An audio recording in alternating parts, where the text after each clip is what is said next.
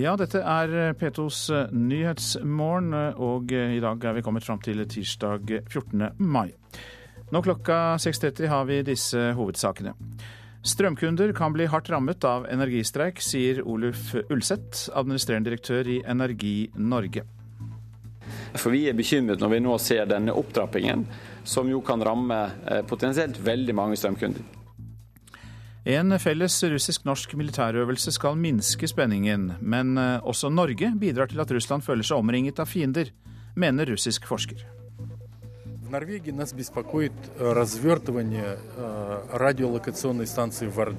Det er radarstasjonen dere har tillatt amerikanerne å bygge i Vardø som bekymrer oss, sier Vladimir Kåsin. Avføring og forsøpling preger museumsområdene i Oslo. NHO Reiseliv er bekymret for årets turistsesong. Bare ett år etter at Manchester City vant den engelske eliteserien i fotball, fikk klubbens manager Roberto Manzini sparken seint i går kveld.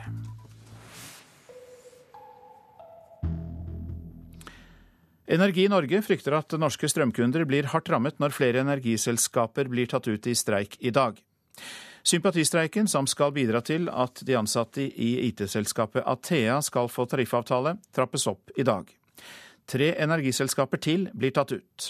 Det betyr at selskaper som leverer strøm til nesten 1,4 millioner nordmenn, omfattes av streiken, sier Oluf Ulseth, administrerende direktør i Energi Norge, kraftselskapenes organisasjon. Og Det betyr jo at hvis det blir strømbrudd, så blir feil ikke rettet, med mindre det står om liv og helse. Og det er klart Vi kan komme i en situasjon hvor dette begynner å bli uoversiktlig.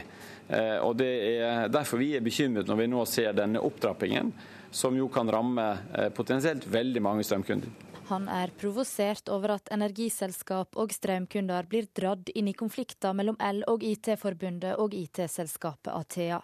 Forbundet trapper nå opp sympatistreiken for å få på plass tariffavtale i Athea. Flere selskap er allerede i streik. Medlemmer i to energiselskap til og Statnett, som er hovedpulsåra i kraftnettet her i landet, blir tatt ut fra i dag. Dette er et IT-selskap Athea eh, og noen konsulenter der. Det er det som er arbeidskonflikten. Den har ingenting med kraftbransjen å gjøre, eller strømkunden å gjøre. Så vi syns det er veldig urimelig at eh, det er de og vi som nå skal rammes av denne arbeidskonflikten. Han sier at han forventer at partene finner en løsning nå. Eh, sånn kan det ikke fortsette. Jeg skjønner at de kan synes det, men vi har eh, gått helt etter boka med den måten vi har innrettet oss på. Sier Hans O. Felix, forbundsleder i L og IT-forbundet.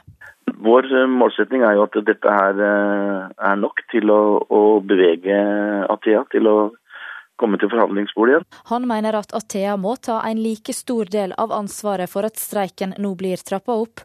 Athea svarer at forbundet bruker tiltak som ikke står i stil med storleiken på konflikter, og at de må ta ansvaret for at dette nå går utover strømkundene. Uansett, én ting partene er enige om, er at en løsning er langt unna. Og det sa reporter Eirin Årdal. Politiet i Oslo frykter at situasjonen blant byens kriminelle gjenger er så spent at det når som helst kan bryte ut hevnaksjoner. Det skriver Aftenposten. Hittil i år er det blitt beslaglagt nesten like mange våpen som i hele 2012 til sammen. Spenningsnivået blant de kriminelle i Oslo har økt kraftig, mener politiet, som nå frykter at situasjonen er så spent at det når som helst kan bryte ut hevnaksjoner. I hele 2012 beslagla politiet i hovedstaden 22 våpen. Hittil i år har det blitt beslaglagt 21. Mange av disse er tatt i gjengmiljøene, skriver Aftenposten i dag. Siden januar i fjor har det vært over elleve skyteepisoder på åpen gate i Oslo. Politiet kan knytte minst seks av disse til kriminelle gjenger. Gjengene har blitt både flere og mer uoversiktlige enn før, sier politiet. Reporter Thea Nordén Dahl. Russland blir stadig mer omringet av fiender, først og fremst Nato, som ledes av USA, og eh, Russland må derfor styrke sitt eget forsvar. Ja, det hevder forskeren Vladimir Kosin ved Russlands institutt for strategiske studier. Han sier felles militærøvelser med Norge, som på Mor 2013, ikke betyr noe, verken for freden eller spenningen. Det er militær mottakelse i hjemmehavnen til den russiske nordflåten i Severomorsk. Den norske fregatten Helge Ingstad bukseres inn til kai av en taubåt. Russiske militære gaster tar imot den norske trossa og bidrar til at gjestene fra Norge blir tatt imot på ordentlig vis. På lørdag starta den felles militærøvelsen på Mor 2013 ute i Barentshavet. Poenget med øvelsen er bl.a. å samarbeide og skape tillit. Det er ikke alle i Russland som mener at den tilliten er til stede. Forsker Vladimir Kosin ved Russlands institutt for strategiske studier sier det offisielle Russland er svært bekymra over Nato sin militære oppbygging ved Russlands grenser. Det gjelder ikke bare i nord mot grensa til Norge. Det er USA som leder an i den påståtte oppbygginga. Norge er ifølge Kåsin med på dette som Nato-medlem.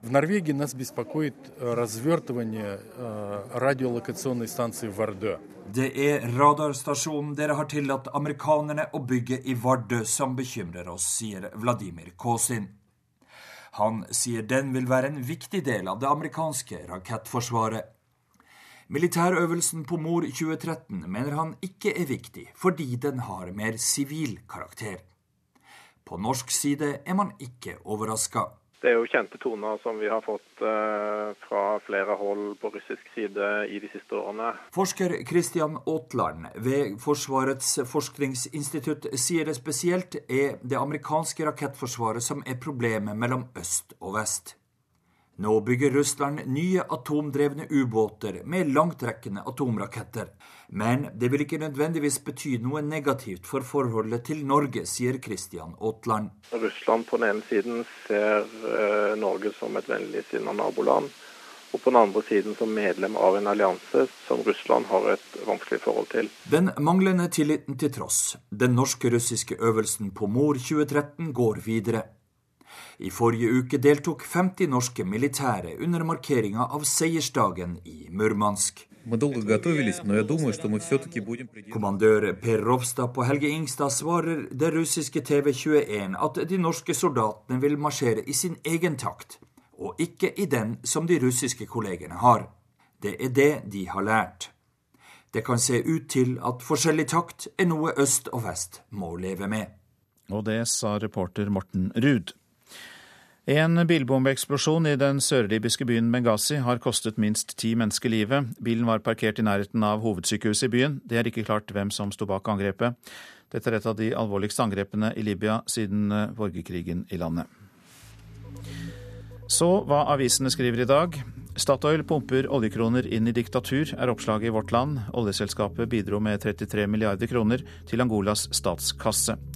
Presidentfamilien er dollarmilliardærer, mens ti millioner angolanere lever i ekstrem fattigdom. Vi kan ikke sjekke hvordan pengene brukes, svarer Statoil. Høyre leder pengegallupen, er oppslaget i Nasjonen. En meningsmåling viser at 40% av velgerne tror en Høyre-ledet regjering er best for deres privatøkonomi, mens 32% tror Arbeiderpartiet gir best uttelling. Per Fugelli skremmes av holdningene i romdebatten, skriver Dagsavisen. Legen og samfunnsdebattanten mener det finnes et uhyggelig anlegg for å bygge frykt og hat mot de andre, og trekker smertefulle historiske paralleller til jødeforfølgelsene. Per Fugelli får Fritt Ords pris i dag. Nå jobber vi lenger, er oppslaget i Dagens Næringsliv. Pensjonsreformen virker. 57 000 nordmenn kombinerer jobb og alderspensjon, som er en økning på nesten 60% i løpet av ett år. Alder er også tema i Adresseavisen, men under overskriften 'Forgubbing'. Det vises bilde av alle ordførerne i Trøndelag på forsiden. 47 av de 59 ordførerne er menn, og en tredel av dem er over 60 år.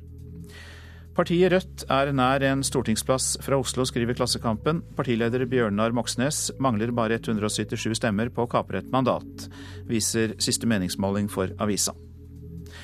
Per Sandberg tror dusj blir tiggermagnet, skriver Bergens Tidende. Fremskrittspartiets nestleder mener Bergen kan bli et yndet mål for tiggerflyktninger fra hele Øst-Europa, når tiggerne kan få gratis tilgang til både do og dusj.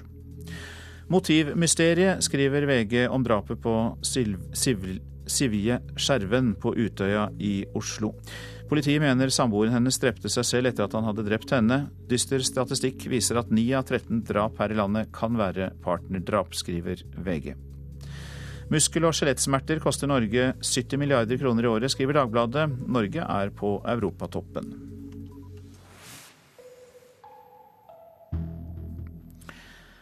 Bare ett år etter at Manchester City vant den engelske eliteserien i fotball, fikk klubbens manager Roberto Mancini sparken seint i går kveld. Italieneren har vært manager for City siden 2009. Det ble en skikkelig blåmandag for Roberto Mancini i Manchester. Manager, for supporteren fikk rett. Samme dag som United feiret seriegullet i gatene, kom nyheten. Bare ett år etter at han tok klubben til deres første ligatittel på 44 år, må Mancini forlate Manchester City. Italieneren har vært i City i tre og et halvt år og har vunnet både FA-cupen og Premier League, men andreplass i serien i år og tap i FA-cupfinalen mot Wiggen ble tydeligvis for drøy kost for City-eier Sheikh Mansour. Malaga-sjef Manuel Pellegrini skal allerede være utpekt som Mancinis etterfølger. Denne unge supporteren fikk dermed sitt ønske oppfylt.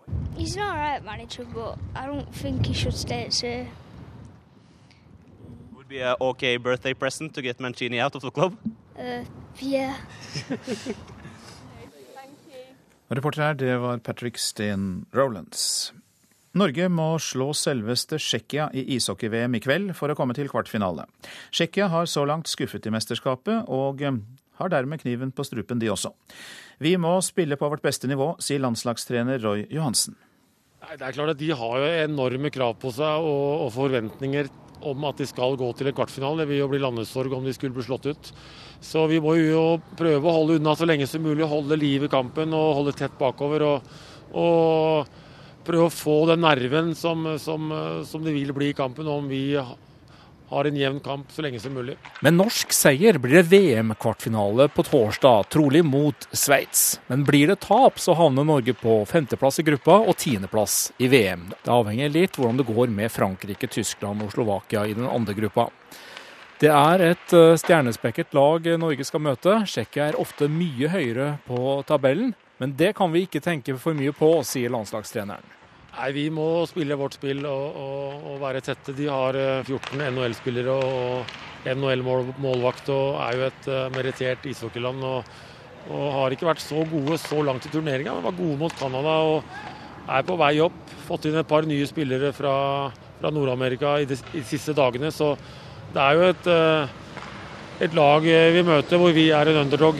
Jeg syns vi selvfølgelig har gode muligheter. Det sier Norges kaptein Patrick Thoresen, som kjenner tsjekkerne godt og vet hvor gode de kan være. Det kommer til å bli beintøft og eh, små feil kommer til å bli utrolig avgjørende. Så, og vi må helt klart holde oss, holde oss unna uttidsboksen, fordi Tsjekkia har vist eh, styrke på Oplay eh, fra dag én. Så må Norge spille sin beste hockey på flere år, skal vi kunne ta oss til en kvart. Reporter her, det var eh, Pål Thomassen. Og vi gir oss ikke med sport ennå, nå golf. På 2000-tallet så våknet interessen for golf for alvor i Norge. Golf er, tredje, er, det tredje største særforbundet i idretten, og nå kommer den første norske golfboka. Dere har skrevet den, golfspiller Henrik Bjørnstad. Fredrik Kaspar Krakt, kommentator og tidligere trener. God morgen til dere. Takk i like måte. La, la, oss starte litt tøft her nå. Hva sier dere til påstanden om at golf er en elitesport for sosieteten, først og fremst opptatt av rekreasjon, eh, Krakt? Nei, Jeg er ikke helt enig i det. Eh, det, har, det var en, eh, en, eh, oppfattelse av det før, men det har blitt vesentlig bedre de siste årene. Det har blitt en mye mer folkesport. Men det henger noe igjen, for å si det sånn, dessverre. Men jeg syns nå at golfen har blitt en folkesport, og det den fortjener å være også nå de siste årene. Jeg syns det. Det er vel fortsatt slik at toppsjefer møter hverandre og bekrefter hverandre når de går rundt og golfer, nærmest management by walking around. Hva tror du om det, Bjørnstad? Er jo, golf er jo en ideell måte å både møtes på og sosialisere og trimme på, så det er en fin kombinasjon uh, å være sosialt sammen på. Prøv å overbevise meg om å bli golfspiller, da, Fredrik Kaspar Kraktu, er jo tidligere trener og burde være den rette til å virkelig gi meg inspirasjon her. Ja, Hvis du skal ha en sport som er eh, både sosial og utfordrende, så bør du absolutt begynne med golf. Eh, veldig mange tør jo ikke å begynne med golf fordi de er så redd for å bli bitt. Eh, det er Av basillen, ja. Ja, av basillen. ikke, ikke av insekter på, på nei, grinden, nei. Det er flott i ny og ne, men eh, det er vel ikke så Det er ikke det som eh, gjør at man ikke begynner. Men det er det og, og denne tiden som gjør at folk har en liten sånn er litt betenkt med å starte. Men det er en sosial sport, det er en frustrerende sport. Men det er også den mest fantastiske sporten du kan spille. Du kan ha en kjempedårlig dag, og så får du ett godt slag, og så har du lyst til å spille igjen. Henrik Bjørnstad, du kan vel bekrefte at det kan være en frustrerende sport også? For du har gjort det bra, men du var ikke alltid like sikker på at du skulle gå videre? Nei, absolutt. Eh, det er det mest frustrerende som fins i verden, eh, som Fredrik sier. Men det er også eh, når det ene slaget kommer, eller den ene runden som er bra, så veier det opp for alt. Men resultatene varierer jo veldig. Så ja, det har vært en god del frustrasjon inne i bildet, for å si det sånn. Eh, hva var verst eh, for deg når det gjaldt denne frustrasjonen? Altså, det, altså det, jeg skjønner at du ikke får ballen nedi det hullet, det skjønner jeg er en frustrasjon. Men, men hva mer går det ut på, liksom? Det er uh, komplisert uh, spill. Da. Det er litt sånn sjakk. Man må hele, hele tiden prøve å ligge et par slag i, uh, i forkant og tenke veldig mye strategi og Men det er det, jo, det, virker jo veldig enkelt. Uh, I hvert fall når man ser på noen som har spilt før, så ser det veldig lett ut at ballen flyr i vei 150-200 meter. Men i starten når man prøver selv, så er det ikke så lett. Men Eh, det går ganske fort å bli litt god. Og når du begynner å kjenne det, den balltreffen du får i golf, den er fantastisk eh, nydelig. Og da er det fort, fort, gjort å bli bitt, når man begynner å få ballen eh, litt av gårde. Akkurat. Du, Krakt, jeg trodde kanskje det, var, det viktigste var egentlig å slå godt og kunne sikte? Ja, altså det er klart at eh, man må, må kunne sikte og må kunne slå godt. Det, men eh, det er, eh, det er, hele opplevelsen rundt golf som gjør at det er en fantastisk opplevelse. Og spesielt når man går ut på en, en flott bane med omgivelser som er uh, utrolig vakre, uh, så gjør det noe også med, med kroppen. og Henrik har uttalt en gang i ny at dette er som balsam for sjelen, så vi får, vi får, si det at det er det. Det er balsam for sjelen. En bra dag på golfbanen, den slår enhver bra bane Eh, banen, eller dag på, på kontoret. Hvordan er Norges rangering som golfnasjon? Altså, vi har jo Susann Pettersen, gjerne kalt Tutta, og, og, deg, Henrik Bjørnstad, som har gjort det godt. Eh, hva har de to spillerne bidratt med til Norges omdømmekrakt? Eh, vi kan begynne med Henrik. og han, han, er den spilleren som har hatt størst impact på golfen i Norge. Han satte Norge på golfkartet. Han er første nordmann som kom seg til PGA-turen, altså den største serien i verden. Eh, kom fra intet, egentlig. Altså, det er feil å si at han ikke kom fra noe. Men eh, han hadde tatt en pause, var blitt en snekker, og så plutselig ville han eh, begynne å spille golf igjen. Klarte å komme seg gjennom helvetesuken, som vi kaller det, altså kvalifiseringsskolen til PGA-turen. Og som første nordmann klarte altså det. To turneringer etterpå så ledet han en PGA-tur foran Tiger Woods, Phil Michelsen, Ola Sabal, alle disse gutta, med ni hull igjen. Det gikk ikke hele veien, eh, men det var nok den hendelsen og den enkelthendelsen i Norge som har virkelig satt eh, Norge på golfkartet. Helt til slutt, eh, Henrik Bjørnstad, hva vil du med denne boka? For at Grunnen til at dere sitter her, er at dere har gitt ut en bok om golf. og Hva vil du med boka? Jeg vil jo hjelpe golfere til å bli, bli bedre. Noe av det som frustrerer mest, er jo denne mestringsfølelsen. At man kanskje ikke mestrer spillet så, så godt som man ønsker. Forhåpentligvis kan denne boka hjelpe til eh, at de mestrer spillet litt mer og får noen tips der, men også får andre noen historier og, litt om golf som, eh, som kan krydre. Slår opp mindre gras enn baller, ja. ok, takk skal dere ha, golfspiller Henrik Bjørnstad og uh, trener og kommentator Fredrik Kaspar Krakk. Takk for at dere kom. Ja, dette er Nyhetsmorgen. Klokka den ble akkurat 6.49. Vi har disse hovedsakene. Energi Norge frykter at norske strømkunder blir hardt rammet når flere energiselskaper blir tatt ut i streik i dag. Politiet i Oslo frykter at situasjonen blant byens kriminelle gjenger er så spent at det når som helst kan bryte ut hevnaksjoner. Og snart skal vi høre at avføring og forsøpling preger museumsområdene i Oslo. NHO Reiseliv er bekymret for årets turistsesong.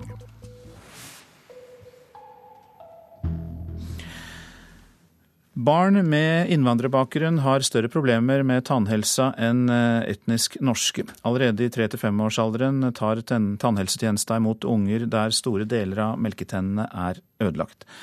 Konsekvensene er store smerter og behov for drastiske inngrep. Det forteller fylkestannlege i Sogn og Fjordane, Bent Rønnekleiv. Når de kommer og har, er såpass unge og har veldig mye hull, har vi faktisk ikke så veldig mye annet å gjøre enn å sende dem i narkose ofte. Et lite barn som må legges i narkose fordi alle mjølketennene må trekkes. Denne hjerteskjærende situasjonen er noe tannhelsetjenesten aller helst vil unngå. Men særlig blant barn av innvandrerbakgrunn er dette altfor ofte realiteten. Det er nok en overrepresentasjon i den såkalte verstinggruppa som vi, som vi overvåker nøye. Det finnes ikke egen statistikk her i landet som slår fast hvor store tannhelseproblemer er blant innvandrere. For dette blir i dag ikke registrert. Men fylkestannlegen i Sogn og Fjordane mener likevel er grunn til å rope varsku. Der er ofte hull blant framtennene Eh, på de minste, noe som tyder på sukker f.eks. om kveldene og om natta. De får flaske med saft, kanskje. Og du ser det òg eh, på jekslene på når de blir fem år, så får de gjerne hull i tyggeflatene og, og sånne ting. Og dette blir støtta av forskning. Både forskning blant tre- til femåringer av innvandrerbakgrunn i Oslo, gjennomført på midten av 2000-tallet, samt nyere forskning i Akershus, viser de samme problemene. Det sier professor i barnetannpleie Ivar Espelid ved Universitetet i Oslo. Vi ser det spesielt eh, på de minste, de som er fra tre til fem år, at de har et større tannhelseproblem. Det er ikke slik at alle innvandrerbarn har det, men eh, det er overrepresentasjon av de som har eh, tannhelseproblemer i den gruppen. Og Forklaringa kan rett og slett være misforstått kjærleik. Foreldrene vil sine barns beste og vil ikke nekte de noe. Og Særlig hvis de har vokst opp i trange kår sjøl, så vil de gjerne at uh, ungen skal få det de peker på i en periode. Og I tillegg så syns en kanskje ikke melketennene er uh, så viktige som uh, norske foreldre ofte gjør, fordi at det kommer jo nye tenner. Det siste tiåret har en flere steder prøvd å ta tak i problemet med ulike kampanjer uten særlig suksess. Veldig sammensatt gruppe. Det er en gruppe som består av veldig mange nasjoner. Veldig mange, det er veldig forskjellige kulturer, det er forskjellige religioner. Sånn at Innvandrergruppa er veldig veldig sammensatt. og Det er mange forskjellige problemstillinger der. og Det viser seg at den tradisjonelle informasjonen som vi har gitt i Norge, den fungerer ganske dårlig på den gruppa i forhold til det forebyggende arbeidet. Professor Ivar Espelid mener en derfor må tenke annerledes. I deler av innvandrerbefolkningen så hjelper det med en pekefinger. Det er dårlig helsepedagogikk for norske, men det kan være en god helsepedagogikk for innvandrere. Et samla norsk fagmiljø er samd om at noe må gjøres. Hvis vi kommer for seint inn, så greier vi kanskje ikke å snu de barna her i forhold til at de, de fortsetter å få mye hull. Har de mye hull når de er mellom tre og fem, så får de òg mye hull seinere i livet òg, viser det seg. Denne reportasjen var laget av Terje Gillesammer. I kveld er det klart for den første av delfinalene i Eurovision Song Contest i Malmö, det vi gjerne kaller Grand Prix her på berget. Også i år er alt unntatt sangen innspilt på forhånd, og det gjør kvaliteten dårligere, mener artister og tilskuere, som har startet en kampanje for å få orkesteret tilbake. Den 19. april 1980 i Haag i Nederland står Johnny Logan på scenen med hvit dress og glansfull nøttebrun pasjesveis. Han vinner Eurovision Song Contest for Irland med What's Another Year. Slik det var vanlig fram til 1998, har han et orkester i ryggen som spiller live på direkten. Hadde dette vært i år, ville Johnny Logan måtte synge til ferdig innspilt musikk. You know, you det hadde blitt en fattigere versjon, mener han, og håper at den levende musikken igjen skal få en plass i konkurransen. Ja, Tinn Spania leder en internasjonal kampanje for å få tilbake den levende musikken i Eurovision Song Contest. Det er jo en musikkonkurranse, først og fremst. Men så har det også blitt et, eh, etter hvert mer, mer og mer sirkus. da. Altså Selv sirkuser har orkestre. Hva er det vi vil gi seerne våre? Er det et musikkshow, eller er det mer et, et danseshow? da? I 2010 spurte han 29 av artistene som deltok i konkurransen om deres mening. Samtlige svarte at de helst ville hatt live-komp om de fikk velge. Artister flest foretrekker å, å gjøre det live. Elisabeth Andreassen har deltatt i den internasjonale finalen fire ganger. Sist gang var i 1996 med I evighet. Det er, en, det er en stor opplevelse for artist å komme og få lov å synge til så store orkestre og så svære opplegg. Hun drømmer også om en Grand Prix-orkesterets renessanse. Jeg blir jo veldig skuffet når, når, de tok vekk dirigenter og orkester og live musikk. Det var en sånn rar omveltning for oss, følte jeg. Men det ser ikke ut som de får vilja si. Det hadde jo vært fantastisk å ha et orkester på et, hvert Eurovision Song Contest, men sånn stor som konkurransen nå har blitt, så er jeg redd det er en umulighet. Jon Olasson er sjef for konkurransen. Nå er det jo rundt 40 land som deltar over tre kvelder, eh, så det er jo en helt annen eh, størrelse på det. I tillegg må man tenke på budsjettet. Jeg har brukt mye tid nå i radiointervjuer og, i avisintervjuer til å snakke om hvor dyrt Eurovision Song Contest er, og det å legge til Eh, enda en faktor på det tror jeg ville komplisert og gjort det vanskeligere for enkelte kringkastere å arrangere Eurovision Song Contest. Ja, og det var reporter Ina Strøm som problematiserte dette med boksmusikk og Grand Prix. Både Munch-museet og Naturhistorisk museum sliter med forsøpling og avføring i uteområdene, og nå frykter NHO Reiseliv for årets turistsesong. I går hadde Oslo kommune og museumsdirektøren for Botanisk hage krisemøte for å finne en løsning på problemet. Oddmund Fostad, overgartner ved Naturhistorisk museum, er fortvilet. Da er vi på vei inn i dufthagen. og Det er jo et litt skjerma område, i hvert fall for den atferden som vi ønsker å få slutt på her i Botanisk hage.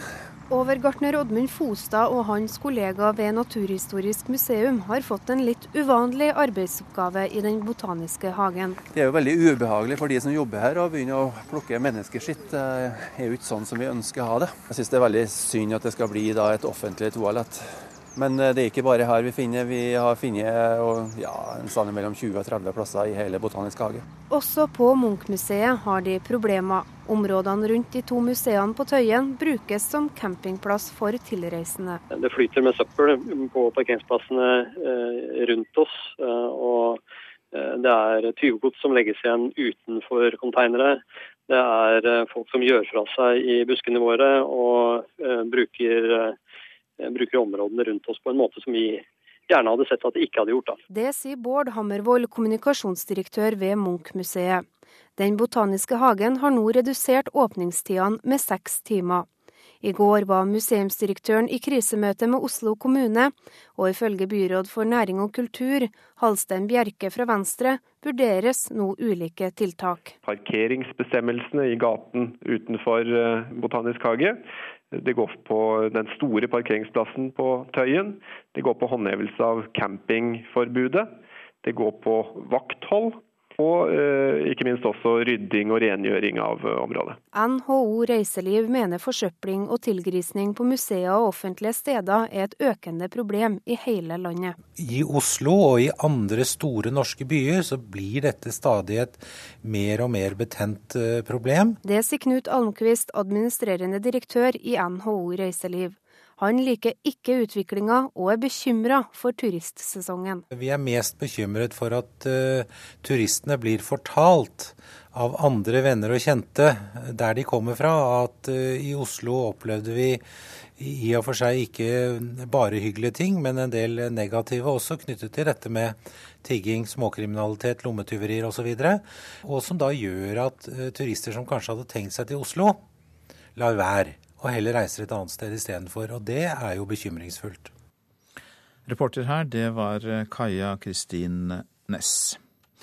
Så tar vi for oss værvarselet fram til midnatt. Langfjella skiftende skydekke, enkelte sludd- og snøbyger. Fjell i Sør-Norge unntatt Langfjella. Skiftende skydekke, stort sett opphold, men muligheter for spredte byger. Østafjells skiftende skydekke, enkelte regnbyger, lokal morgentåke. Rogaland lite liten kuling i nord, skiftende skydekke, enkelte regnbyger. Så ser vi på Hordaland og Sogn og Fjordane. Der blir det sørlig periodevis stiv kuling. Skiftende skydekke, enkelte regnbyger.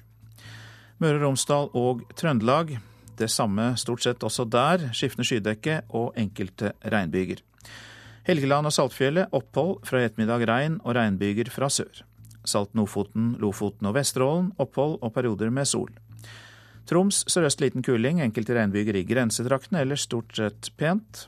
Kyst- og fjordstrøkene i Vest-Finnmark østlig stiv kuling, utsatte steder litt regn fra ettermiddag, opphold og en del sol. Øst-Finnmark og Finnmarksvidda liten kuling, perioder med regn, sludd først på dagen. Spitsbergen opphold.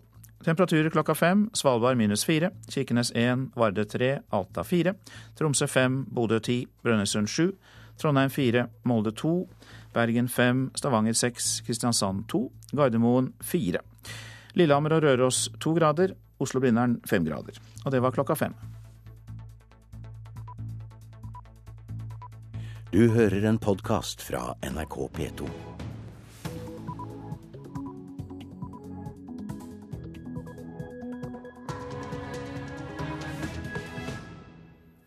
Og nå er klokka sju. Du lytter til P2s Nyhetsmorgen. Her er en nyhetsoppdatering. Norske barnerom er fulle av skadelige kjemikalier. Høyres Nikolai Astrup er bekymret over giftnivåene forskerne fant på barnerommet til den lille datteren hans. Jeg syns det er eh, skremmende. Og det er utrolig hva slags omfang dette har. Eh, og jeg syns også eh, det er vanskelig å beskytte seg mot det. Boligbyggingen i Norge faller kraftig. Det fører til dyrere boliger, tror sjefanalytiker Erik Bruse i Nordea Markets.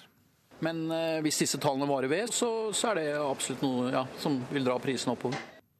Energi-Norge frykter at norske strømkunder blir hardt rammet når flere energiselskaper blir tatt ut i streik i dag. Brødrene til Ariel Castro, som er siktet for å ha holdt tre kvinner fanget i huset sitt i ti år, sier de håper han råtner i fengselet. CNN sendte i natt et intervju med de to brødrene, som først ble pågrepet for å ha hjulpet broren. Monster, hateful. I hope he rots in that jail. Reiselivsnæringen frykter søppel og avføring på offentlige steder, at det kan ødelegge turistsesongen. Det sier administrerende direktør Knut Almqvist i NHO Reiseliv. Vi er mest bekymret for at uh, turister som kanskje hadde tenkt seg til Oslo, lar være og heller reiser et annet sted istedenfor. Det florerer av kjemikalier i norske barnerom. Det antyder i alle fall kartleggingen Forbrukerrådet har gjort hos en barnehage i Oslo, og på barnerommene hjemme hos to norske toppolitikere.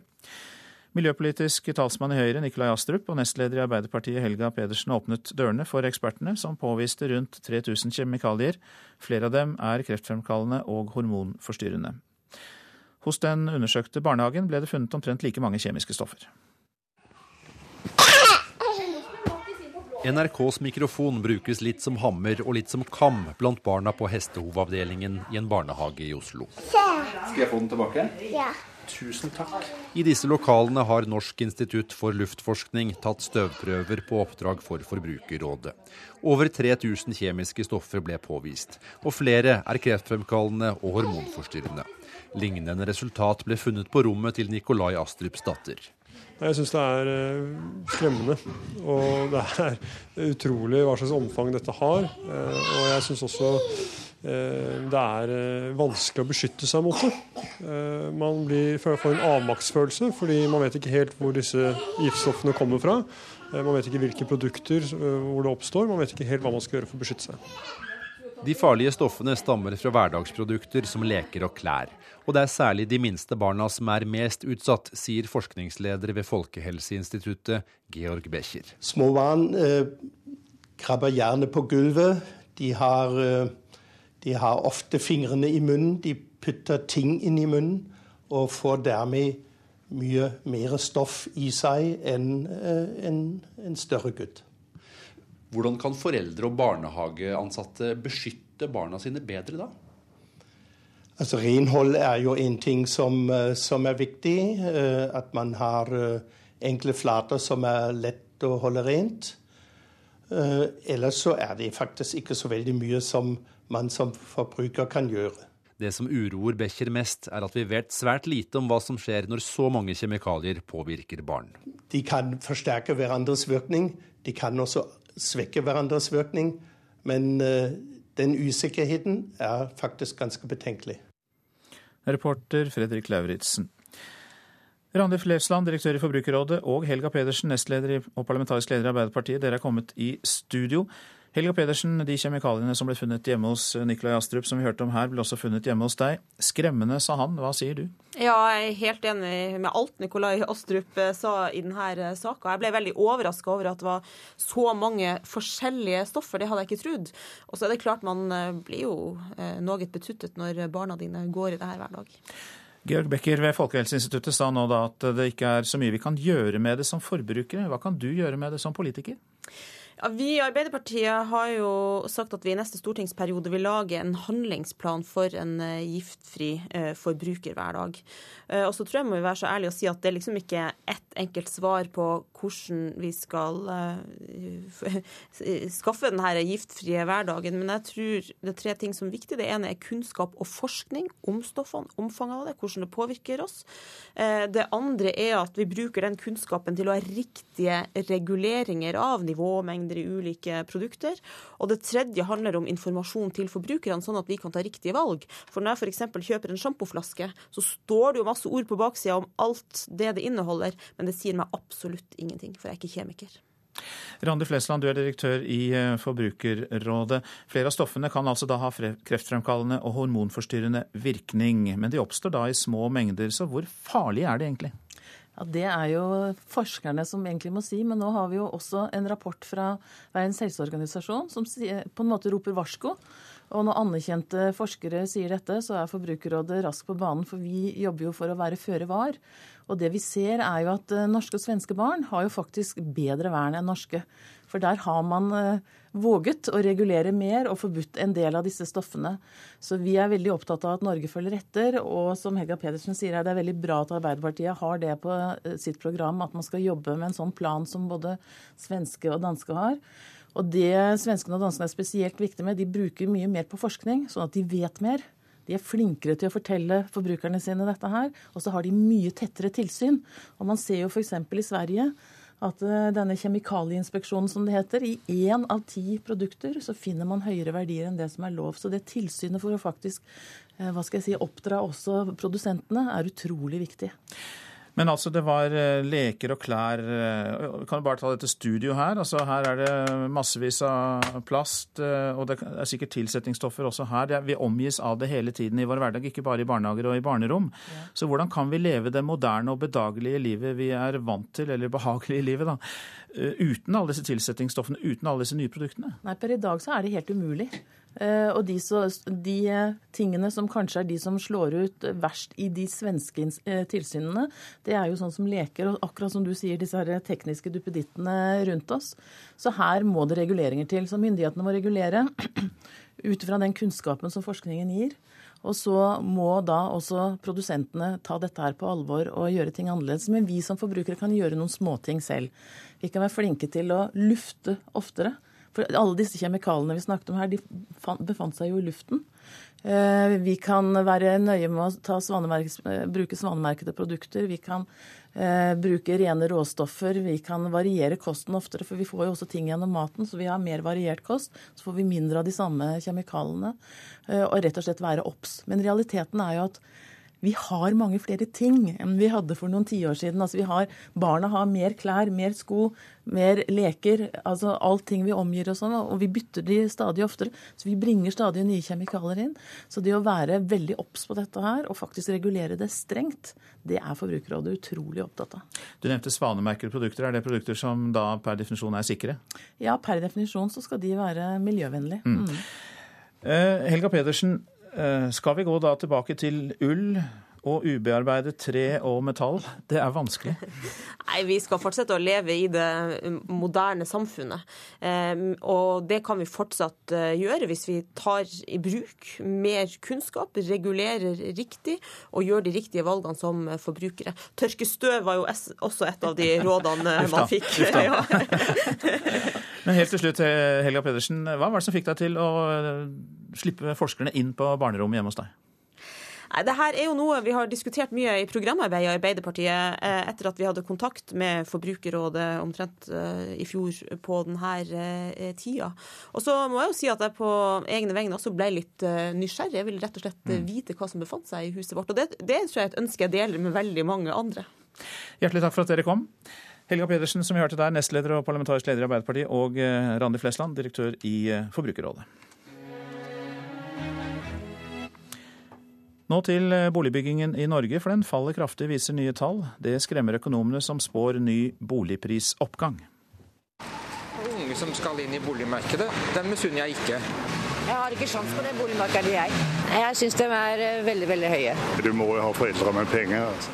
I den fasjonable Oslo-bydelen Frogner lar mange seg skremme av boligprisene. Kvadratmeterprisen her har i snitt passert 60 000 kroner. Og det stopper neppe med det, for ferske tall fra boligprodusentene viser at det bygges altfor få hus i Norge. Ja, de siste tallene viser når det gjelder igangsetting at vi har en ca. 12% nedgang i første tertial. Så hvis vi holder denne takten resten av året, så vil vi havne på 26 000 boliger. Er det for lite?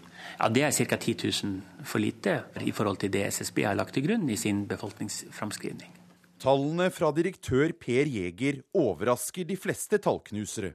Sjefanalytiker Erik Bruse i Nordea Markets er ikke i tvil om at boligunderskuddet kan gi enda høyere boligpriser. Det er overraskende svake tall. så Til nå har prognosene pekt i retning at vi bygger nok boliger i forhold til befolkningstilveksten for øyeblikket. Men eh, hvis disse tallene varer ved, så, så er det absolutt noe ja, som vil dra prisen oppover. Og Jeger frykter for fremtiden.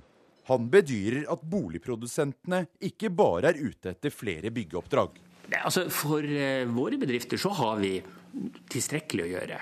Hvis noen lurer på hvorfor boligprisene går opp, så er svaret at vi bygger for lite boliger. Hvem er det som har sviktet? Nei, Her tror jeg det er mange. Vi bygger ikke infrastruktur uh, i nærheten av der folk kan bo, eller der hvor vi har tilrettelagt for å bygge nok boliger. Jeg tror at jobben kommer til å være at vi må bygge nok boliger, slik at vi ikke skaffer oss et rent klassesamfunn. Det skillet er synlig i Oslo. Flere har allerede meldt seg ut av det hete boligmarkedet. Jeg leier.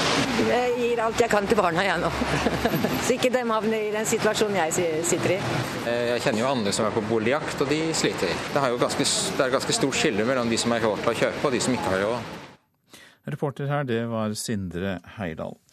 Dette er eh, et stort problem for neste generasjon. Da griper vi til neste generasjons politikere og inviterer deg, Elisabeth Løland, leder i Kristelig Folkepartis Ungdom. God morgen. God morgen. Hva tror du om det som ble nevnt, større klasseskiller som følge av høye boligpriser? Jeg tror det er helt eh, reelt, den situasjonen vi har nå. Den skaper et skille mellom forrige generasjon og min generasjon. Det er vanskelig for min generasjon å komme seg inn på boligmarkedet, men jeg mener enda mer alvorlig så skaper det et skille mellom noen i min generasjon og noen andre i min generasjon. Og da er vi iallfall på vei til et klasseskille. For det å ha kommet seg inn på boligmarkedet er så annerledes enn det å ikke ha gjort det. Og hvis man først er ute av boligmarkedet, så kan man komme i en vanskelig og låst situasjon der det nesten er umulig å få det til. Hva har de gamle politikerne gjort feil som dere unge får i fanget nå? Vi hører jo på reportasjen her, det bygges for få boliger. Eh, mye av det som skjer, er jo at de ikke planlegges eh, bra nok. Eller det vil si, det planlegges bra, men det tar veldig, veldig, veldig lang tid å planlegge. Og det er klart at når man skal bygge boliger, så må man ha planer for hvor de skal bygges, for at det skal bli bra og effektivt. Eh, men det kan ikke være sånn at det tar fem, seks, syv, åtte, ti år fra man eh, vurderer å bygge boliger i et område, til man har godkjent plan og kan begynne å bygge. Men vi kan jo snu på det og se på samfunnsutviklingen i det store? Fordi sentraliseringen fører jo til at flere og flere samles rundt de store byene. Oslo, Bergen, Stavanger, Trondheim. Hva med en mer aktiv desentralisering som et oppdrag for dere yngre politikere? Ja, For oss fra KrFU og KrF sin side så er jo aktiv og god distriktspolitikk både en måte å gjøre det attraktivt å bo i bygdene, og en måte å senke presset på de, de tettbygde strøkene. Men nå er det engang sånn at veldig mange ønsker å flytte mot tettbygde strøk. Veldig mange, spesielt unge, trekker mot byene, og man kan jo heller ikke sette opp høye gjerder rundt byene og nekte folk å flytte dit når, når de ønsker det. Og da må vi legge til rette også for det. Men kan det også være mulig å skattlegge bolig på en annen måte, slik at det ikke skal lønne seg så veldig som det har gjort nå å bruke bolig som et investeringsobjekt? Ja, KrFU ønsker en annen eh, type skatt for bolig, der man får eh, de gode fordelene det er nå av den første boligen man eier, men at vi ikke har den typen eh, fordeler for bolig nummer to og tre. For det som skjer, er jo at de som har kommet seg inn på boligmarkedet, får gode fordeler, gode skattefordeler.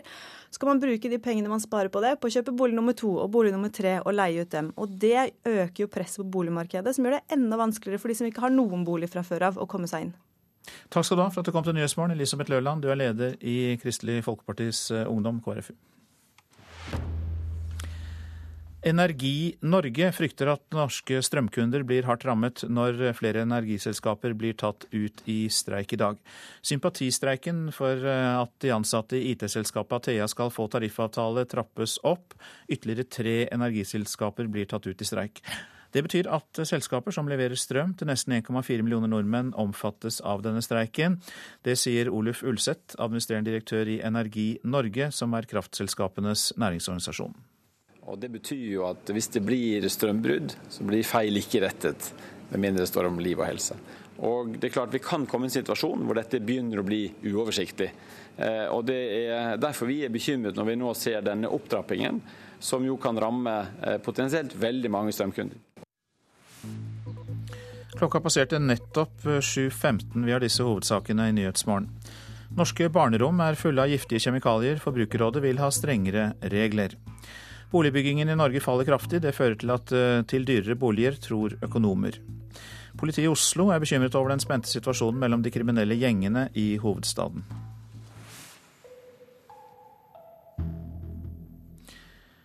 Brødrene til mannen som holdt tre kvinner fanget i ti år i huset sitt i Cleveland i USA, har for første gang etter arrestasjonen latt seg intervjue på TV.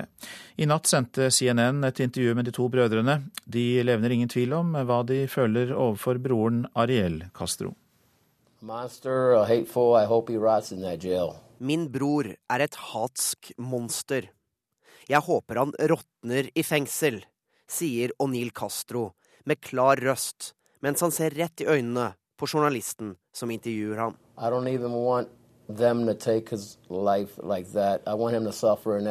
Jeg vil ikke at de skal ta livet av ham.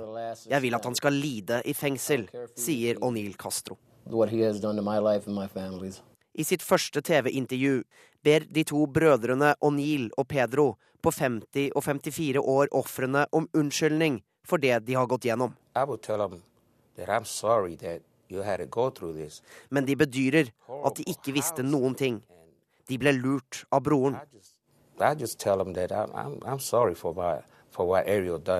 O'Neill og Pedro Castro ble først også arrestert sammen med broren sin og hengt ut foran en hel verden. De er bitre for at de ble dratt inn i saken. If he knew that was going to happen.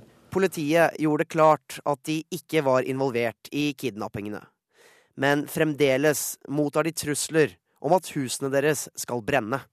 Vi lever i et mareritt vi ikke kan våkne fra. Vi er fanget av et familiemedlems grusomme handlinger, sier brødrene O'Neill og Pedro Castro. This has torn my heart apart. This, this has killed me. Right Dette har revet meg i filler. Jeg er et vandrende lik, sier broren O'Neill. Nå vil de at rettferdigheten skal seire, og at ingen må få oppleve det samme igjen. Ever, ever like Reporter her, det var Stig Arild Pettersen.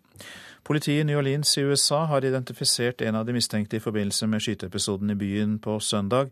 En 19 år gammel gutt skal være identifisert av flere vitner og ettersøkes nå for skytingen mot en parade som førte til at 19 personer endte på sykehus. I går besøkte Storbritannias statsminister David Cameron USAs president Barack Obama i Det hvite hus i Washington. Der diskuterte de to hvordan de kan styrke opposisjonen i Syria uten å gi uønsket hjelp til ekstremister. 80 dead, 5 million people forced from their homes. Syria's history is being written in the blood of. David Cameron ville være sikker på at budskapet nådde fram. Både han og president Obama er opptatt av å få en slutt på lidelsene i Syria.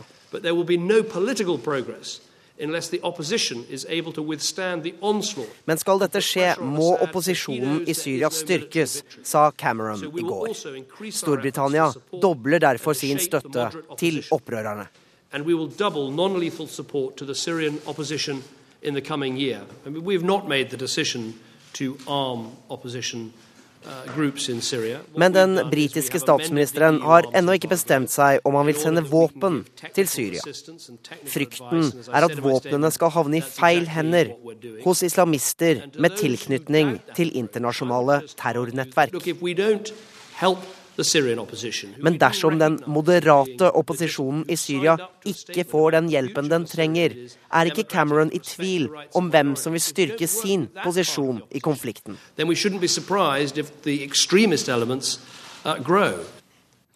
Dette innslaget var laget av utenriksmedarbeider Stig Arild Pettersen. Kommandørkaptein Per Christian Gundersen ved Forsvarets høgskole, god morgen til deg. God morgen. Vi har et dilemma her for Cameron og Obama. For hvordan skal de klare å styrke de opprørsgruppene i Syria de liker, uten å styrke de gruppene de ikke liker? Ja, det, det har jo vært en utfordring egentlig fra dag én. Um, og det er jo riktig, som eh, selvfølgelig den britiske statsministeren sier, at eh, det er eh, Løsningen ligger på det politiske nivået. Ikke nødvendigvis å gi mer våpen, ammunisjon, inn i en veldig blodig konflikt. Så, mm, så, at man nå ser på en løsning hvor, hvor man samler de ulike interne aktørene selvfølgelig i Syria, samtidig som man nå har hatt en, en tett dialog med Russland spesielt, gjør at man da kan på en måte se på hva er en politisk løsning, før man går ned og sier OK, la oss nå bevæpne opprørerne i større grad. Ja, Hvor viktig syns du nettopp det med Russland er, at de nå har en tettere dialog med Russland, altså USA og Storbritannia? Det er helt avgjørende. Eh, nå har Russland eh, i hvert fall tre ganger eh, lagt ned veto i Sikkerhetsrådet i i FN. Så man har ikke fått noe, noe mandat med noe tyngde på plass for å måtte møte denne blodige konflikten. Og når du, når du, spør om nå disse bevæpningen av opprørerne, så er det helt riktig. Det er, det er veldig, et veldig broket felt. Det er mange, mange ulike grupperinger.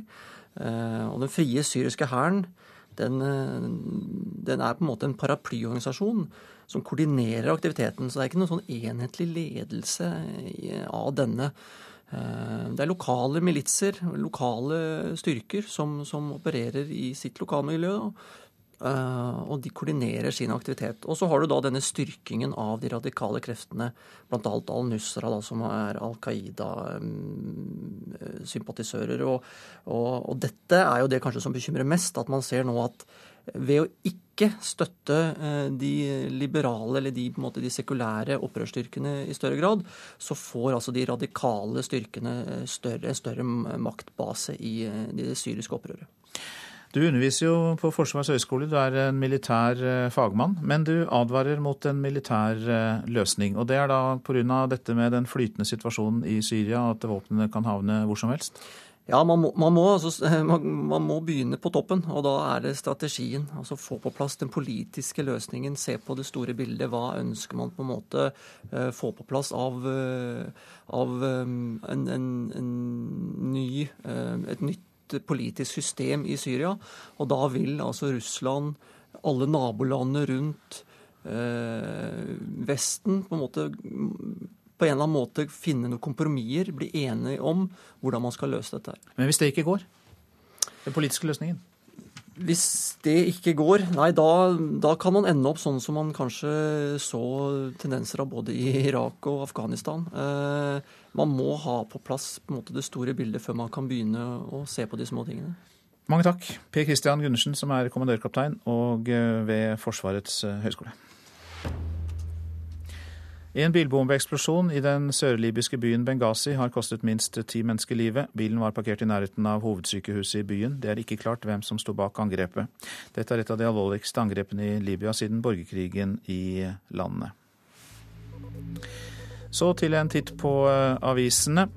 Det er eksplosivt i Oslos gjengmiljøer, får vi vite i Aftenposten. Det har vi også hørt tidligere i sendingen. Det er flere skytevåpen og nye gjenger, kamp om revir og store penger samt uoppklarte drap og skyteepisoder i hovedstaden.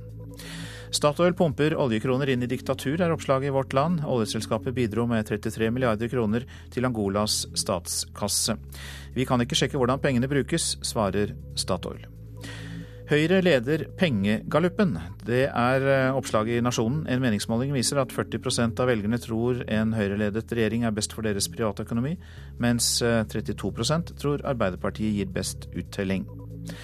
Nå jobber vi lenger, er oppslaget i Dagens Næringsliv. Pensjonsreformen virker. 57 000 nordmenn kombinerer jobb og alderspensjon, som er en økning på nesten 60% i løpet av ett år.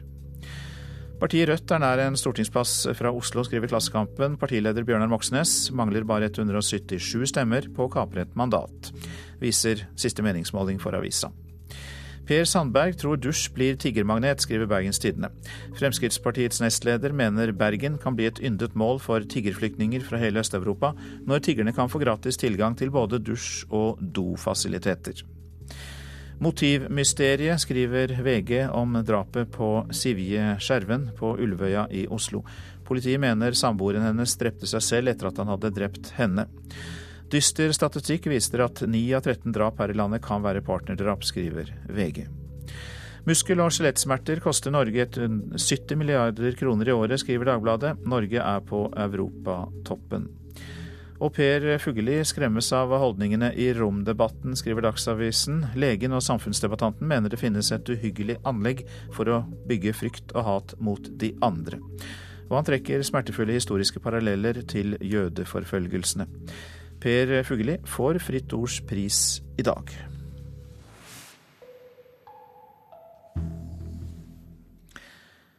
I Tyskland gjenopptas i dag rettssaken mot en kvinnelig nynazist som er tiltatt for medvirkning til drap på ni innvandrere og en tysk politikvinne.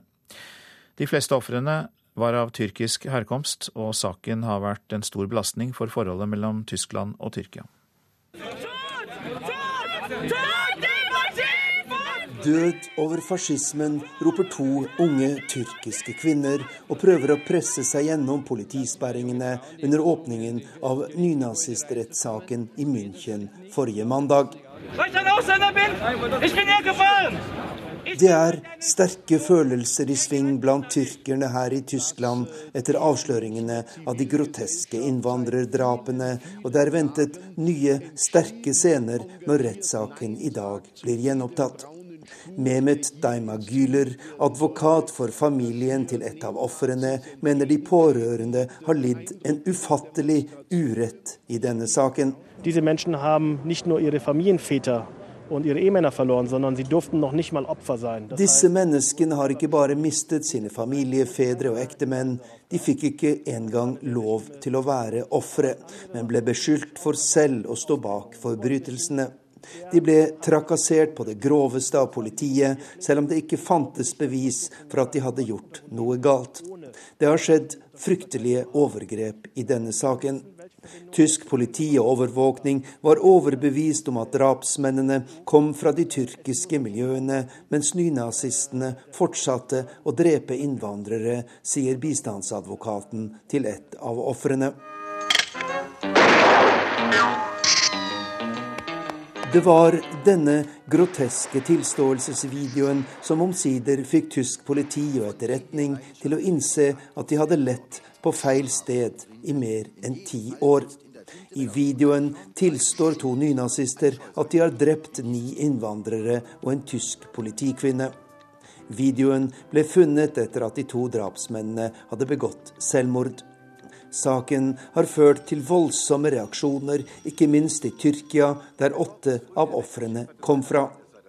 Den tyrkiske regjeringen har kritisert tyske myndigheters håndtering av saken, og den var et viktig tema da utenriksminister Ahmed Davutoglu besøkte Tyskland nå i helgen. NSU davalarıyla kendini gösteren bir Tyrkiske myndigheter vil følge nøye med i denne prosessen.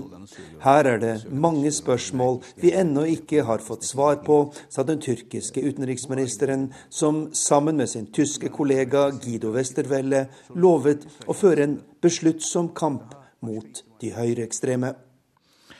Og det sa reporter Arnt Stefansen.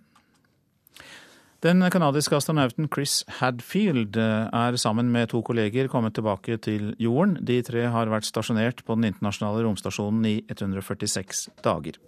Hadfield har gjennom Twitter-oppdateringer fra rommet fått mye internasjonal oppmerksomhet. De tre landet i eh, Kasakhstan i natt. Du lytter til Nyhetsmorgen. Angela Merkel er i vinden i hjemlandet, nå også på bokmarkedet. Mer i reportasjen etter Dagsnytt. I Politisk kvarter møtes Høyre og SV til holmgang om boligbyggingen. Og sykefraværet, det skal politikere fra Frp og SV diskutere i Politisk kvarter. Prosent for Nyhetsmorgen, det er Ulf Tannes Fjell. Her i studio, Øystein Heggen. Har du tips eller kommentarer, så er e-postadressen vår nyhetsmorgen krøllalfa nrk.no. Nyhetsmorgen krøllalfa nrk.no.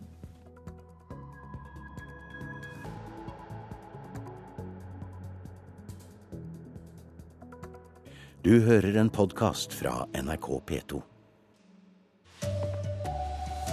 Giftige kjemikalier florerer på norske barnerom. Forbrukerrådet vil ha strengere regler.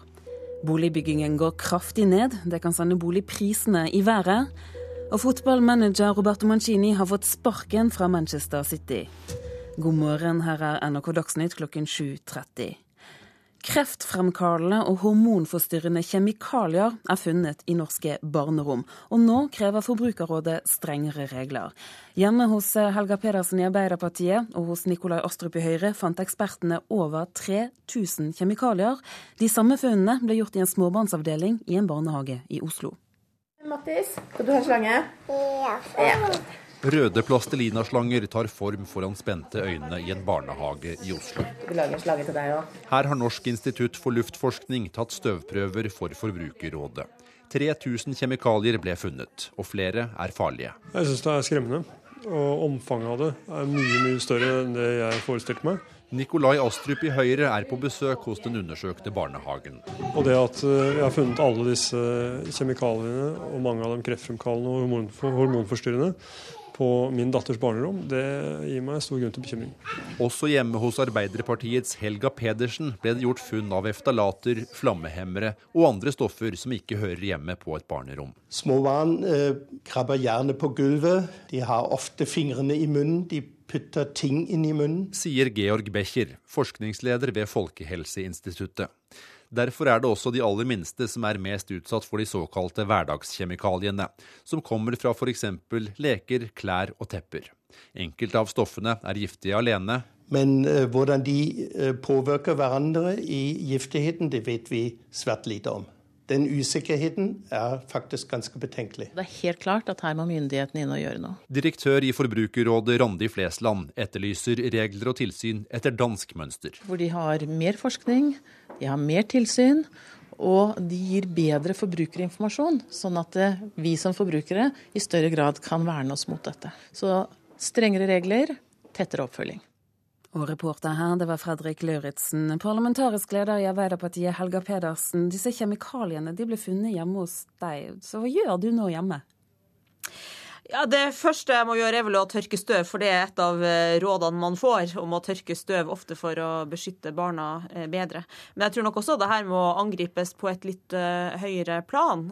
Og det handler om kunnskap, forskning, om omfanget av alle de stoffene vi omgir oss med. At vi bruker den kunnskapen til å sette riktige grenser for ulike stoffer i kosmetikk, i mat, i leker osv. Sette sette riktige grenser. Eh, og så handler det også om at vi som forbrukere får tilrettelagt eh, informasjon. For hvis jeg f.eks. kjøper en flaske sjampo og leser på baksida av den hva den inneholder, så sier det meg absolutt ingenting, for jeg er ikke kjemiker. Hvor viktig er det å sikre barn mot disse kjemikaliene? Det mener jeg er veldig, veldig viktig. For det første fordi at eh, barna våre fortjener en giftfri start på livet sitt, men også fordi at barn er mer utsatt. De tåler mindre, og de er også mer eksponert for ulike kjemikalier fordi at de beveger seg på gulvet og putter mange ting i munnen. Hvordan reagerte du da du fikk høre hva som ble funnet hjemme hos deg? Jeg ble for det første veldig overraska fordi at det var så utrolig mange forskjellige stoffer. Eh, og så ble jeg urolig, rett og slett, fordi at eh, jeg ønsker jo at eh, barna mine skal ha friske og sunne omgivelser. Hva syns du da bør gjøres? Vi ønsker å lage en handlingsplan for en giftfri hverdag. Det er det Forbrukerrådet som har foreslått. Det har de gjort i Danmark og Sverige.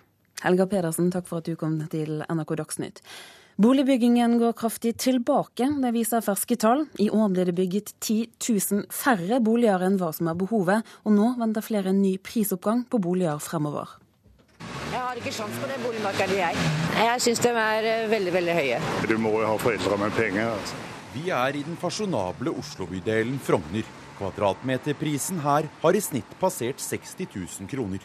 Og det stopper neppe med det, for ferske tall fra boligprodusentene viser at det bygges altfor få hus i Norge. Ja, de siste tallene viser når det gjelder igangsetting at vi har en ca. 12% nedgang. Hvis vi holder denne takten resten av året, så vil vi havne på 26 000 boliger. Er det for lite? Ja, Det er ca. 10 000 for lite i forhold til det SSB har lagt til grunn i sin befolkningsframskrivning. Tallene fra direktør Per Jæger overrasker de fleste tallknusere.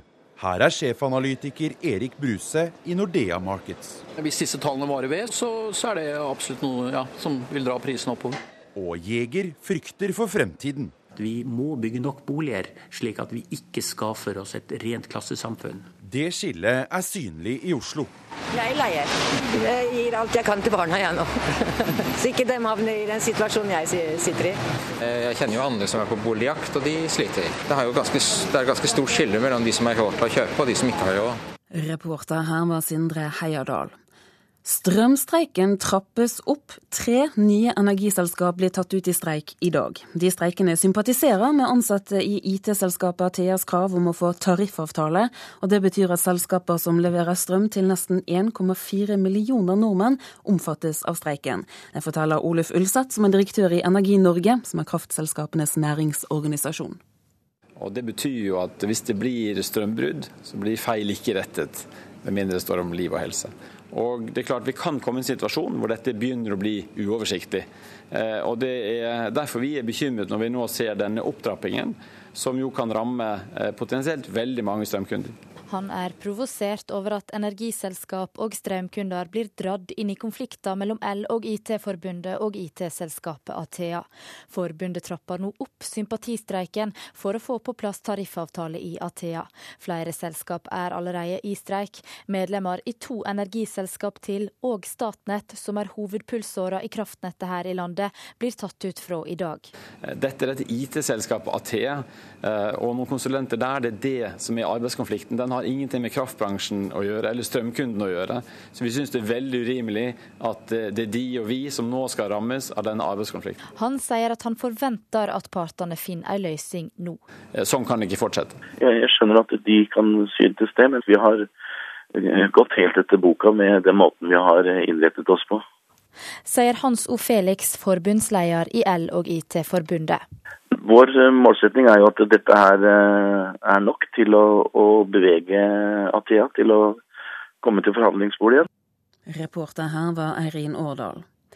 Spenningsnivået blant de kriminelle gjengene i Oslo har økt kraftig. Det mener politiet, som frykter hevnaksjoner.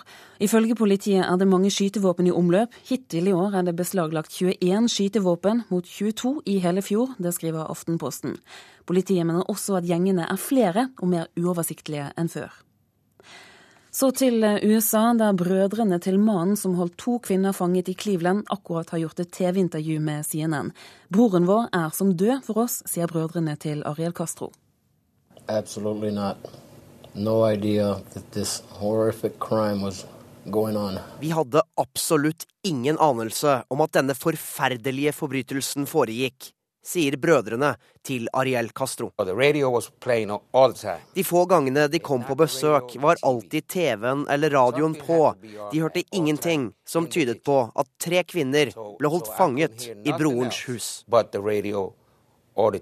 De er ikke nådige i sin karakteristikk av broren. Han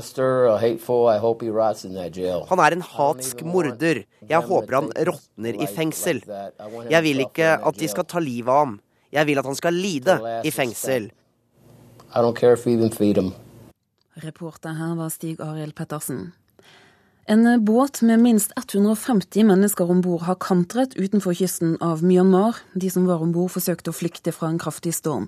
Båten har vært savnet siden i går, det opplyser FN.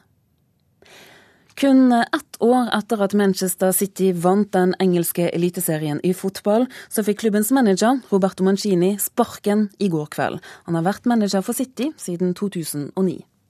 Det ble en skikkelig blåmandag for Roberto Mancini i Manchester. Manager, say, for supporteren fikk rett. Samme dag som United feiret seriegullet i gatene, kom nyheten. Bare ett år etter at han tok klubben til deres første ligatittel på 44 år, må Mancini forlate Manchester City.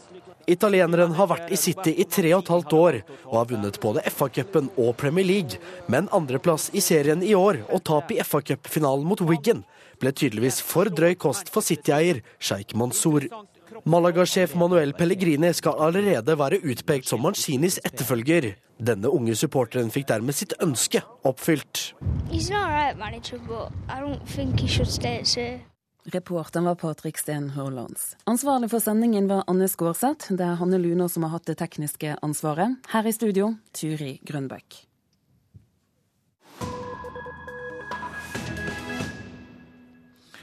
Dette er P2s eh, Nyhetsmorgen. Den tyske forbundskansler Angela Merkel er i vinden, nå også på bokmarkedet.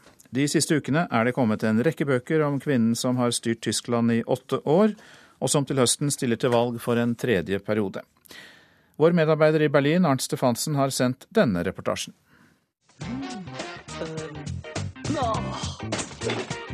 Tyske satirikere har en enkel oppgave. For landets leder, Angela Merkel, er ingen stor folketaler. Kjære undersått, et vanskelig år ligger bak oss, sier stemmen som parodierer en lite vellykket nyttårstale fra den tyske regjeringssjefen. Men de som parodierer henne og kritiserer henne, vet inderlig vel at hennes stilling her i Tyskland er solid som fjell. Det vet også de mange forfatterne som de siste ukene har gitt ut bøker om Angela Merkel.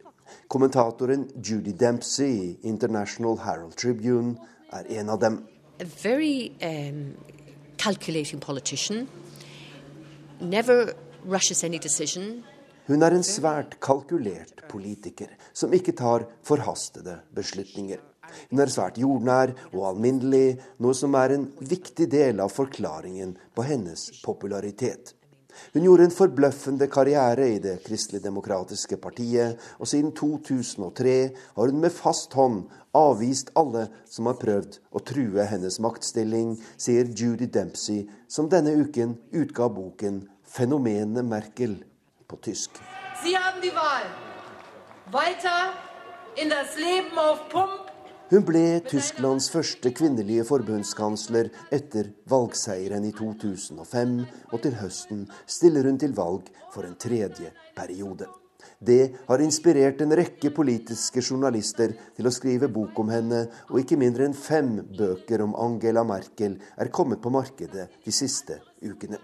Irske Judy Dempsey, velrenommert europakorrespondent gjennom mange år, er en av de færreste journalister som kjenner Merkel personlig.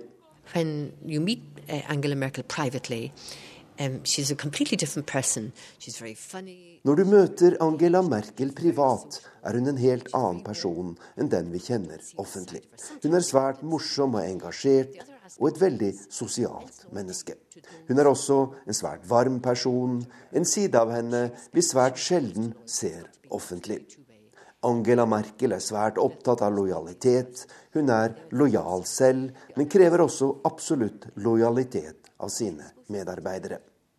Og forfatteren svarer som man kunne vente når jeg ber henne avsløre en av kanslerens morsomheter. I'm not going to tell you that. It's private.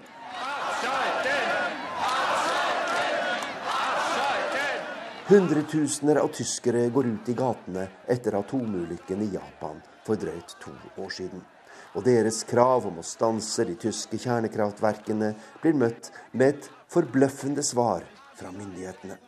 Angela Merkel og hennes regjering snur i atomspørsmålet, og Tyskland vedtar å avvikle hele sin atomindustri. She uh, actually had already overturned a decision by the Red Green uh, coalition Merkel hadde nettopp gått inn for å forlenge bruken av kjernekraft i Tyskland, men endret mening så å si over natten.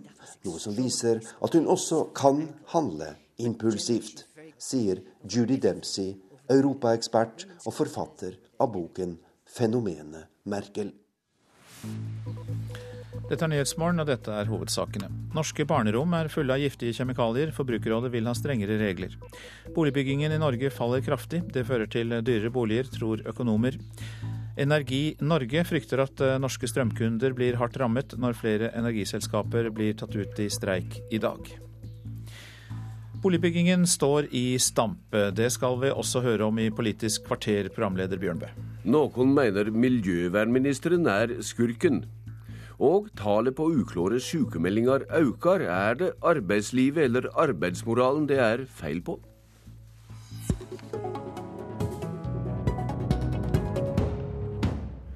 Bustadbygginga går ned, prisene øker, har vi hørt i nyhenda på morgenen.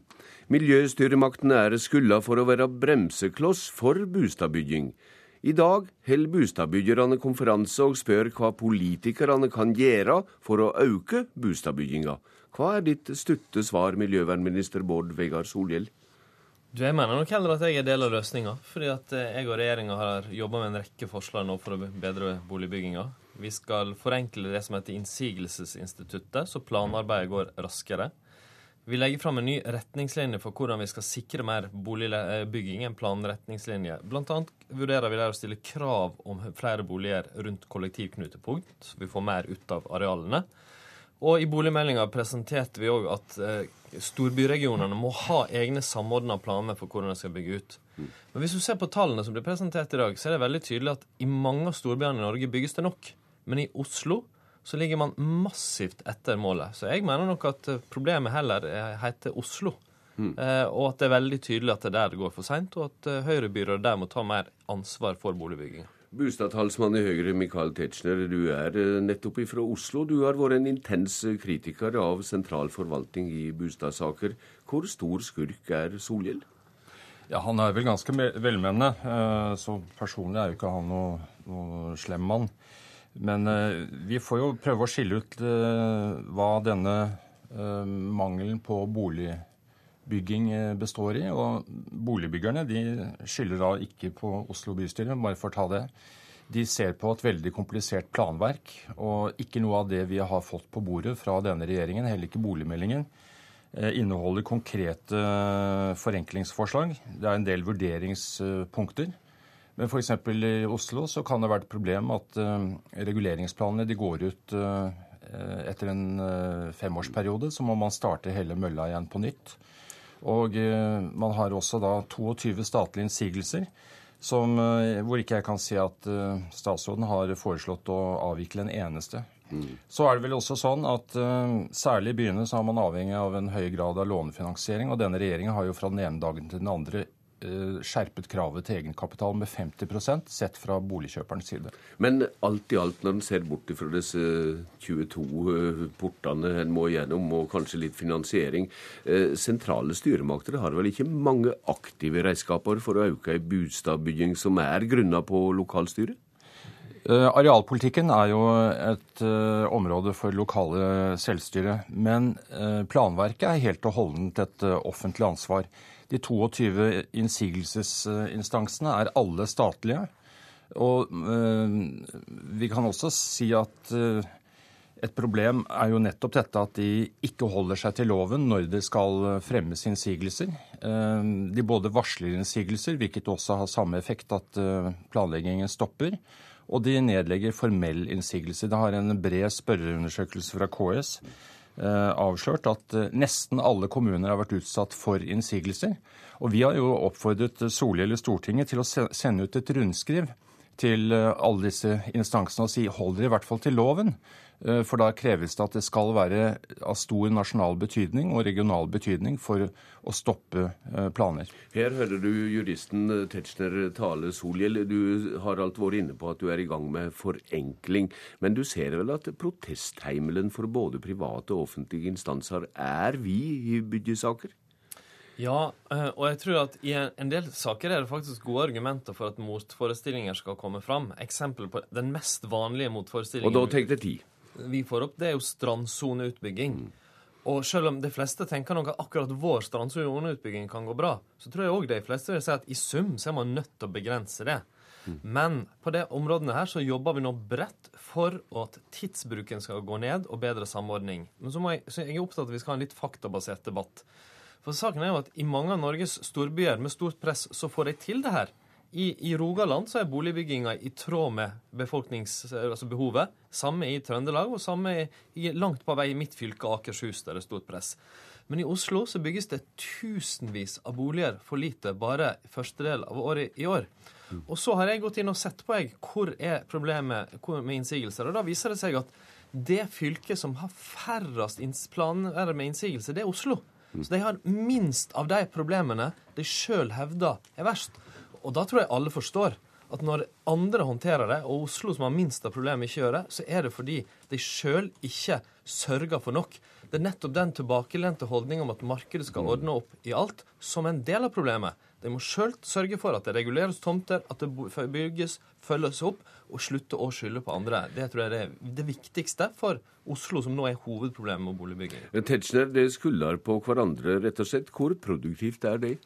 Nei, altså Man forstår jo at det kan jo ikke være én kommune som er skyld i at det bygges 10 000 boliger for lite, og at eh, vi hørte innslaget ble innledet med at de, de varslet at vi i år ville ville bygge 26 boliger i hele landet. Eh, og Det kan ikke eh, skyldes én kommune. og dessuten så kanskje 26 000. 26 000. Og kanskje da Solhjell skulle begynne med sine egne i Oslo bystyre. fordi de ligger alltid på den gale siden når det gjelder eh, boligtall. SV og Arbeiderpartiet stemmer systematisk for boligplaner med færre boliger enn det flertallet som regel kommer i land med. Tetzschner, hva blir annerledes dersom det kommer en ny regjering? Ja, Vi må jo se på plan- og bygningsloven. Skjære vekk det som er eh, unødige, unødige, reguleringer og bestemmelser. Vi må også gå gjennom de tekniske byggeforskriftene som gjør det veldig byråkratisk å bygge.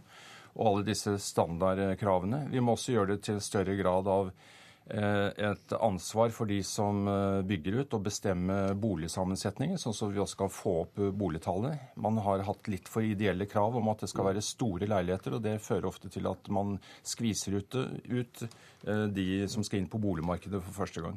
Hvor trugende er disse lokketonene i møte med velgerne til høsten, Solhjell? Så Det er jo ting det er brei enighet om. Vi skal ha mer raskere innsigelser. Derfor jobber jeg med det. Vi må ha planer som stiller krav om mer fortetting, mer bygging i byene våre. Derfor jobber jeg med det. Eh, vi skal ha, må ha bedre samarbeid mellom, i byområdene om det. Derfor jobber jeg eh, med det. Men eh, vi kommer ingen vei hvis ikke de som har ansvaret, kommunene, gjør jobben. Husk, det er nesten ingen felter der det er så tydelig at det er kommunene som har ansvar for å gjøre jobben. Og når Oslo ikke gjør jobben, da hjelper det ikke om vi forenkler og forbedrer fra regjeringas side. Eh, Takk til dykk i denne omgang. I ettermiddag blir det partileierdebatt om eh, disse spørsmåla hjå bustadbyggerne.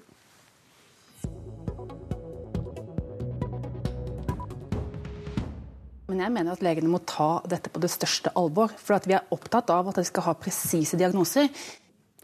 Ja, det var arbeidsminister Anniken Huitfeldt om sykemeldinger i Dagsrevyen i går. I dag legger Nav fram en rapport etter at sykemeldinger de siste tolv åra er granska. Og det Arbeids- og velferdsetaten mener å ha funnet, er sterk økning i sykemeldinger som har uklår medisinsk diagnose, slikt som trøtt og slapp til dømes. Nå er 40% av sykemeldingene slik. Leder i arbeids- og sosialkomiteen i Stortinget, Robert Eriksson fra Fremskrittspartiet. Hva sier du om at arbeidsministeren etterlyser mer presise diagnoser fra lekerne? Jeg er veldig glad for at arbeidsministeren så tydelig er enig med Fremskrittspartiet at vi trenger gode, presise diagnoser, eh, og at vi må ta denne utviklinga på eh, alvor. fordi at det er urovekkende at vi ser at det blir stadig flere og flere som blir sykemeldt på diffuse diagnoser. Er det snillisme hjå lekerne, etter ditt syn? Nei, men det er iallfall en stor forskjell i forhold til hvordan leger praktiserer sykemeldingspraksisen, og hvordan de sykemelder, og det er noe vi må se nærmere på. Karin Andersen fra SV, du er nestleder i Erikssons komité. I hva mon er det arbeidslivet, lekerne eller arbeidsmoralen det eventuelt er noe galt med? Nei, det kan i hvert fall ikke denne undersøkelsen si oss noen ting om. Eh, det som den sier noe om, er at sykefraværet går ned. Mm. Eh, og det syns jeg at vi skal eh, si først, for det er det aller viktigste. Så er det veldig uklart ut fra denne undersøkelsen om den sykemeldingspraksisen og de diagnosene som ble satt før, var riktige. Det sier jo denne undersøkelsen ingenting om. Man antar det, og at det var bra. Jeg er ikke så sikker på det. Det jeg er sikker på, er at eh, legene trenger å følge opp de som er syke og har slike plager, bedre. Men det aller viktigste, hvis vi er opptatt av at folk skal komme fortere tilbake til jobben igjen, er jo at arbeidsmiljøet er bra. Mm. Og det viser en stor forskningsundersøkelse fra Sintef som kom for noen uker siden, at det er det som er avgjørende. Ikke verken sykemeldingspraksisen eller hva slags oppfølging folk får med å liksom måtte møte opp på diverse møter osv. Det er at du har det bra på arbeidsplassen. eller at det finnes alternative jobber til deg som gjør at folk ikke detter ut av arbeidslivet, og ikke en sånn, sånn synsing, som jeg syns mye av dette er, da, ut fra en veldig tynn rapport. Eh, nå har det allmenne sykefraværet gått ned, som du starta med å si her. og Det tyder kanskje på at avtalen om inkluderende arbeidsliv virker? Jeg tror det er veldig mange som har fått uh, god oppmerksomhet om dette spørsmålet nå. Alle ser jo at de uh, tjener veldig godt på det. Det jeg tror vi ser en del av i deler av arbeidslivet, er spesielt blant kvinner, er at de har sånne jobber som gjør at du veit at du aldri strikker til, og at du har mye ansvar og lite makt, og at det er for få folk på jobben. Da tror jeg folk blir både slitne og utkjørte, og det tror jeg kanskje vi kan se litt av i sykefraværstallene. Robert Eriksson, hva slags politiske utfordringer ser du i rapporten fra Nav? Er det spørsmål om karensdager utenfor det lekerne driver med, mellom annet? Nei, Fremskrittspartiet er veldig tydelig på det at vi ønsker ikke å innføre verken karensdag eller endre sykelønnsordninga. Eh, men når vi ser det at eh, eldre, altså flere rapporter viser også, og undersøkelser viser at eldre leger, menn, de er, har lettere for å sykemelde enn yngre kvinnelige leger. Vi ser fortsatt at det er stor variasjon i forhold til, til sykemeldingspraksis blant leger. Da må vi ta det på alvor. Vi må sikre en lik praktisering. Ja, Men var dette det politiske svaret? Ja, det, det, er også et politisk svar at det må følges opp i forhold til IA-avtalen. Det må følges opp i det videre arbeidet. Og så er det jo også sånn at vi har et godt arbeidsliv i Norge. Eh, ni av ti arbeidstakere sier at man er veldig godt fornøyd med arbeidshverdagen sin. Da skal vi også legge til rette for at vi kan få et, fortsatt et trygt, fleksibelt og familievennlig arbeidsliv i framtida. Det vil også sikre for at vi får sykefraværet ned. Og så er det viktig at vi begynner å rette oppmerksomheten også mot offentlig sektor, for der henger sykefraværet eh, dessverre etter. Mm. Eh, Andersen, hva er ditt politiske svar på uklare sykemeldingsgrunner? Nei, det, Man må gå gjennom eh, sykemeldingspraksisen hos legene. og Jeg er også veldig opptatt av at de bruker tid på pasientene, og ikke bare skriver ut sykemelding og resept. Ofte på en del uh, vanedannende medikamenter som folk får i lang tid og blir mm. syke av. Det viser forskning både fra Sverige og Danmark, og det mener jeg vi må se nøyere på. For jeg er sikker på at det er kanskje grunnen til at folk ikke blir bra igjen når de har hatt en nedtur. Og så er jeg veldig opptatt av at vi ser på IA-avtalen, særlig i lys av de resultatene som denne eh, Sintef-forskninga kom fram til, nemlig at kanskje en del av de helt konkrete tingene man gjør der, kanskje ikke har så stor virkning, men at det har større virkning. At man følger opp arbeidsgiver bedre, slik at det er mulig for den som har vært syk, å komme tilbake igjen fort. Robert Eriksson, her er også et spørsmål om deres liberale tanker. Hvor mye ansvar mener du politikken har for å blande seg inn i folks private plager? Jeg tror ikke vi skal bruke politikken til å blande oss altfor stor grad inn i, i folks eh, hverdag. Eh, jeg tror folk må i større grad ta ansvar for sin egen hverdag. og Jeg syns også Nav-direktøren sa det veldig fortreffende godt i går på, på Dagsrevyen. Altså, er du syk, så skal du ha en god eh, rett til å være eh, sykemeldt, og du skal være, få, mm. få, et trygghetsnett og inntektsnett i forhold til det. Men du har også en plikt til å møte opp på, på jobb når du kan møte opp på jobb. Og Det syns jeg er viktig. Og folk må også i større grad ta ansvar for sin, for sin egen både folkehelse og sin egen hverdag enn det som er tilfellet i dag. Mm, Andersen. Ja, altså Det er vel ingen som er uenig i det som blir sagt nå, men jeg må si at jeg reagerer litt når eh, Nav-direktøren sier at sykemeldinger er vanedannende. Jeg mener at det er stigmatiserende overfor en del som er syke. Og det er faktisk også sånn, tror jeg, at noen trenger en timeout av og til, og at det gjør at folk står i arbeidslivet lengre. At mange er der i Norge som i andre land ikke har arbeid i det hele tatt. Nav-direktøren er ikke Herman Andersen. Det er kanskje et spenn mellom offentlig omsorg og offentlig kontroll med enorme møter på arbeid? Ja, det er klart at det er det. Og jeg tror at hvis vi skal ha et arbeidsliv der det er plass til mange, så er vi både nødt til å tåle at noen er syke iblant, for sykdom fins, og sånn er det. Og vi er nødt til å sørge for at det er nok folk på jobben, sånn at folk ikke blir syke av for stor arbeidsbelastning og bekymring over en jobb de kanskje ikke ser sjøl at de ikke makter. Og dette er du kanskje sammen i, Robert Eriksson? Ja, da er Jeg enig til det, men jeg er også veldig opptatt av at eh, vi må bli flinkere til å sørge for at gradert sykemelding blir tatt i bruk, sånn at ikke folk blir varig passiv og stempla ut av arbeidslivet og overført til uføretrygd, som vi ser i stor grad dessverre i dag. Takk til dykk for eh, denne samtalen. Politisk kvarter er slutt. Jeg heter Bjørn Bø. Hør flere podkaster på nrk.no podkast.